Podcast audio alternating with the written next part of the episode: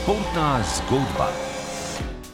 Šport je radijski sopotnik Vala 202, na katerem smo v preteklosti ujeli številne podvige slovenskega športa.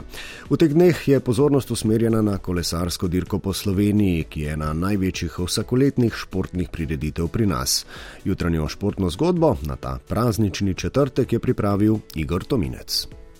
Tudi športni prenosi so vsa leta sestavni del programa, ki ga poslušate. Pravzaprav je športno uredništvo na radiju še starejše od današnjega slavljenca, deluje že od leta 1949, najprej na prvem programu, pozneje pa se je preselilo na val 202, kamor športne vsebine danes nekako konceptualno bolj sodijo.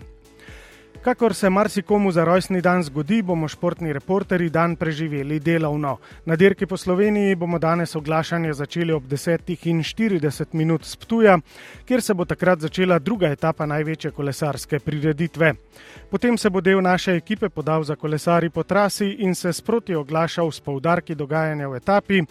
Drugi del ekipe pa se bo preselil na cilj v Rogaški Slatini, kjer bomo spremljali verjetno sprinterski zaključek etape in pripravili pogovore z glavnimi akterji.